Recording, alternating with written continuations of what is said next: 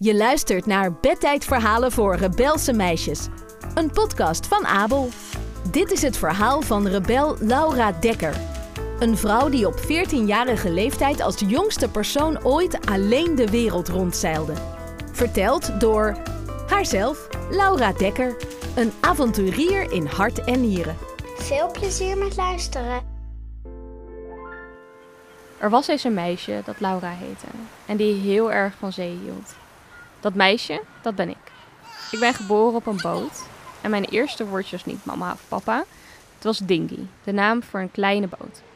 De eerste vijf jaar van mijn leven zeilde ik met mijn ouders de wereld rond.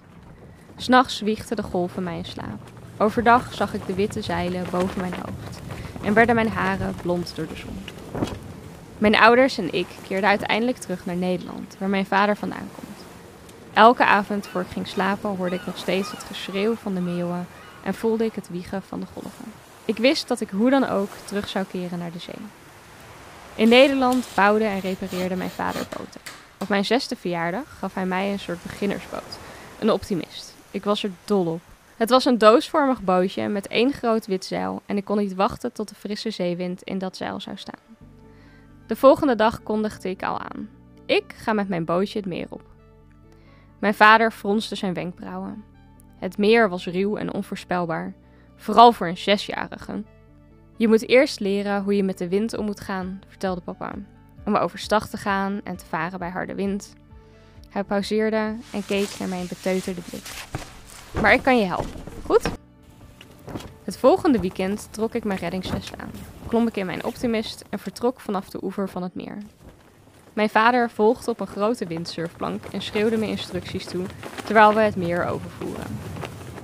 Ik probeerde precies te doen wat mijn vader zei, maar de wind werd steeds sterker en zijn stem woei soms weg. De boot werd steeds verder naar het midden van het meer getrokken en mijn hart ging tekeer. Ik wist niet wat ik moest doen. In mijn hoofd zag ik de boot al kantelen en naar de bodem van het meer zinken. Ik zag mezelf spartelen en om hulp roepen. Het is goed, Laura. Pak het roer vast. Rustig en kalm, zei mijn vader. Ik greep het roer stevig vast en probeerde rustig te ademen.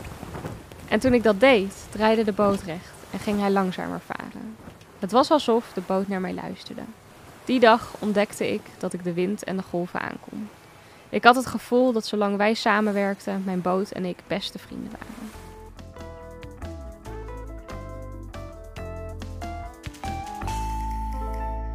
Wie ben je en waar hou jij je mee bezig?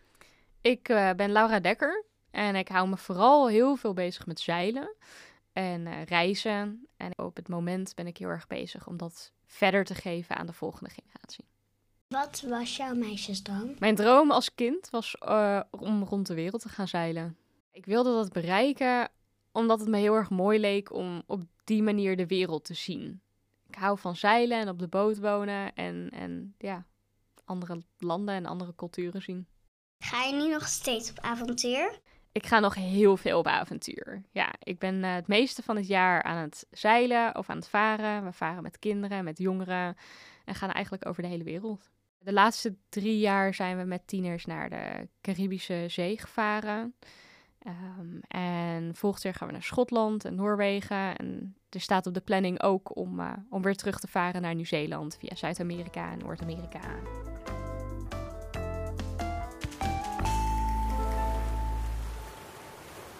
Al snel zeilde ik bijna elke dag alleen en ik genoot van elke seconde. De wind waaide door mijn haren. Het voelde alsof ik vloog. Ik leerde knopen leggen, de wind volgen en zeekaarten lezen. Toen ik een jaar of tien was, smeedde ik een plan.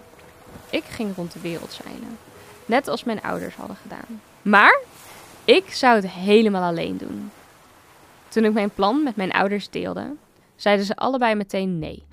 Zo'n lange reis maken was moeilijk, ingewikkeld en eenzaam. En het belangrijkste, ik was pas tien jaar oud. Ik was ontmoedigd, maar ik weigerde mijn droom op te geven. Ik zeilde al sinds mijn zesde. Ik was geboren op een boot. Dit was mijn levenslot. Uiteindelijk spaarde ik genoeg zakgeld voor een boot en ik noemde deze boot. Maar zei mijn vader dat ik het rustiger aan moest doen. Hij zei dat ik eerst naar Engeland moest proberen te zeilen voordat we over een wereldreis konden praten. De route van Nederland naar Engeland zou vol zitten met ruige rukwinden, heel veel scheepvaart en ijskoud water. Mijn vader hoopte stiekem dat deze korte tocht mijn zucht naar avontuur zou stillen. In maart 2009 vertrok ik op 13-jarige leeftijd helemaal alleen naar Engeland. Toen de regen met bakken uit de hemel viel, was ik doorweekt tot op het bot. Er trok zware mist op en ik zag niets. Ik kon alleen op mijn kaarten en GPS vertrouwen om te navigeren. Ik leerde te vertrouwen op mijn intuïtie en ik bereikte Engeland zonder problemen.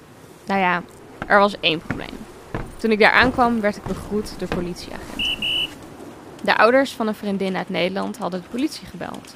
Ze vonden me te jong om zelfstandig naar een ander land te varen. De politie belde mijn vader, die naar Engeland vloog om me daar op te halen. Nadat ze me vrijlieten, bracht mijn vader me niet naar het vliegveld, maar gingen we terug naar Guppy. Het is je gelukt om hierheen te varen, zei hij. Dus dan kan je net zo goed ook terugvaren. Met een succesvolle reis naar Engeland achter de rug voelde ik mezelf verzekerd en energiek. Ik was er klaar voor. Dat dacht ik tenminste. Tot een stel volwassenen ertussen kwam. Onderwijsambtenaren vertelden me dat het illegaal was om zoveel school te missen. Medewerkers van de kinderbescherming zeiden dat mijn ouders onverantwoordelijk waren. En al snel kwamen er advocaten aan te pas. Een rechter stuurde me naar een psycholoog. Ik mocht zelfs geen voet meer zetten op mijn lieve guppy.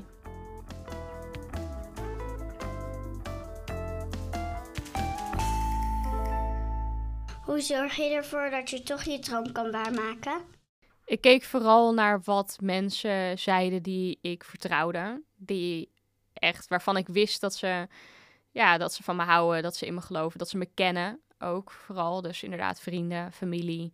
En mensen die kritiek op me hadden die mij niet kenden, dat heb ik op een gegeven moment helemaal geblokt. Uh, heb ik helemaal niet meer naar geluisterd. Want ja, waarom kan iemand iets over jou gaan zeggen en zeggen dat je het niet kan als ze je niet eens kennen? Wat is de leukste herinnering van je zeilreis? Uh, de leukste herinnering aan mijn zeilreis is. Ja, ik denk, het is moeilijk. Ik vind het heel moeilijk om te zeggen, omdat het alles bij elkaar zo mooi was. Maar een aantal echt hele mooie momenten vond ik uh, sowieso Frans-Polynesië en de eilanden en de mensen ook daar. Die zijn heel, heel vriendelijk, dicht bij de natuur. Um, dus daar, daar heb ik ja, gewoon qua menselijkheid best wel veel van geleerd. Um, de Indische Oceaan was uh, qua weer heel erg moeilijk. Maar ik heb daar geleerd om, uh, om te stoppen met vechten tegen alles. Ik vecht altijd tegen het weer en ik was altijd boos op alles. En uh, ik heb het hier gewoon losgelaten. En dat was echt heel erg, ja, heel erg bevrijdend. Heel erg fijn om met, gewoon met alles mee te gaan. Ook als het even niet gaat zoals je wil.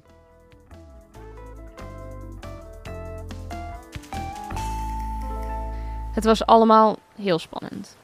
Ik was 14 jaar oud en moest opeens al deze mensen ervan overtuigen dat ik sterk en slim genoeg was om deze lange reis te overleven. Als solozeiler zou ik verantwoordelijk zijn voor alles op de boot. Van koken en schoonmaken tot navigeren. En daarnaast moest ik natuurlijk ook nog schoolwerk doen. Dus volgde ik cursussen over veiligheid en eerste hulp. Ik leerde om bootreparaties uit te voeren en mijn eigen wonden te hechten. Ik trainde mezelf om minder te slapen. Zeilers die lange afstanden varen moeten immers altijd alert blijven, zelfs nachts. Eindelijk, in augustus 2010, na meer dan een jaar en acht rechtszaken, was ik klaar om te varen. Ik stond op het dek van mijn nieuwe boot, een oude Chinook ginvis die ik wederom Guppy had genoemd. Samen met mijn vader had ik de veiligheidsuitrusting vernieuwd en wat opslagruimte toegevoegd. Hadden het keukentje opgeknapt en een nieuw bed geplaatst. Als finishing touch had ik de buitenkant van de boot knalrood geschilderd en een schattige oranje guppy op elke kant van de boeg gezet. Mijn vader zeilde met me mee van Nederland naar Gibraltar. En toen was ik alleen met Guppy. Al snel verdween het land achter me en werd ik omringd door het diepe blauw van de Atlantische Oceaan. En daar stond ik aan het roer om Guppy vooruit te sturen. Ik was zo blij om hier te zijn. Ik had het gevoel dat de golven door mijn aderen gierden en mij vulden met kracht en moed. Die dag was nog maar het begin. Voor mij lagen meer dan 27.000 zeemijlen. Met veel stops onderweg. Volgens mijn berekeningen zou ik twee jaar lang op Guppy reizen. En die twee jaar waren spectaculair. Terwijl ik over de Atlantische Oceaan zeilde, raasden scholen dolfijnen langs me heen. Ik genoot van oogverblindende zonsondergangen en de reuzenwalvissen die voorbij zwommen. Het was geweldig, maar het was niet altijd makkelijk. En in het begin had ik heimwee en was ik eenzaam. Ik miste een bad, dat niet zout was. En een koelkast en een vriezer. Een keer in de buurt van Australië zeilde ik door zulk woest weer en zulke gevaarlijke zeestraten dat guppies zeilen aan flarden werden gescheurd. Het roer vastzat en zelfs het stuurwiel eraf viel. Gelukkig was ik in orde en ik zeilde verder naar Darwin in Australië. Daar legde ik Guppy aan en nam ik de schade op. Mijn vader vloog naar Australië om me te helpen met de reparaties. Terwijl we de zeilen van Guppy repareerden en het stuurwiel vervingen, voelde ik vooral de enorme liefde. Deze boot was meer dan alleen een schip. Het was mijn beste vriend en vertrouweling. Soms, als ik midden op de oceaan zat, praatte ik met Guppy over mijn toekomststromen. De zeilen repareren was mijn manier om haar te bedanken. Ik hield echt van Guppy en ik wist zeker dat ik Guppy veilig naar huis kon zeilen. In Guppy zeilde ik van Europa naar de Caribische eilanden en over de stille oceaan naar Australië. En later meerde ik aan in Zuid-Afrika en weer terug naar de Caribische Zee. Daar werd ik opgewacht door een juichende menigte, waaronder mijn familie. De reis duurde van begin tot eind 518 dagen. En in 2012 werd ik met mijn 16 jaar de jongste persoon die ooit solo rond de wereld zeilde. Het was een dromenavontuur om nooit te vergeten.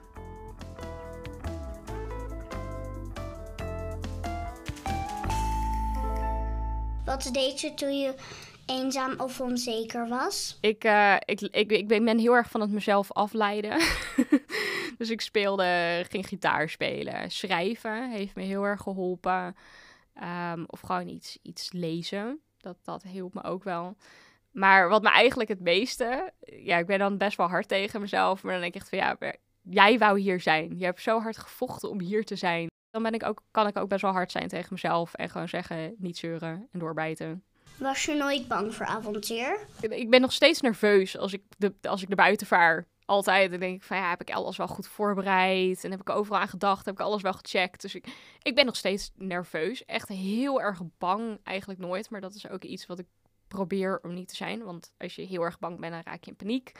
Uh, dus dat is niet goed. Maar uh, ja, nee, angst voor dingen zeker. En ik denk dat dat ergens ook goed is. En mensen moeten angst hebben om dingen een beetje goed voor te bereiden en veilig te doen. dus uh, ik, ja, ik zie dat niet echt als een zwakte, maar ik heb het zeker. Welke tips geef je aan kinderen die hun droom willen bereiken? Niet opgeven. Um, en als dingen niet lukken, dus ja, weet je, het, het, zal de eerste keer echt heel zwaar zijn. En, en, en misschien loop je tegen muren aan en lukken dingen niet. Maar dat zijn de momenten waar je het meeste leert. Dus je moet ergens af en toe vallen en dan weer opstaan. En dan heb je geleerd daarvan. Dus zie het niet als falen, maar zie het als een leermoment en hoe je het de volgende keer anders of beter kan doen. Wat is jouw droom? En wie kan jou helpen om deze droom uit te laten komen? Wat het ook is, weet dat er altijd mensen om je heen zijn die jou bij elke stap aanmoedigen. Dus droom groot en heb lef. Bedankt voor het luisteren en vind de rebel in jezelf. Je luisterde naar een podcast van Abel. Bedtijdverhalen voor rebelse meisjes. Volgende keer een nieuw verhaal over een andere rebel. Abonneer je in je favoriete podcast-app, laat een review achter en mis geen enkel luisterverhaal van Abel. Bedankt voor het luisteren. Tijd voor audio, tijd voor Abel.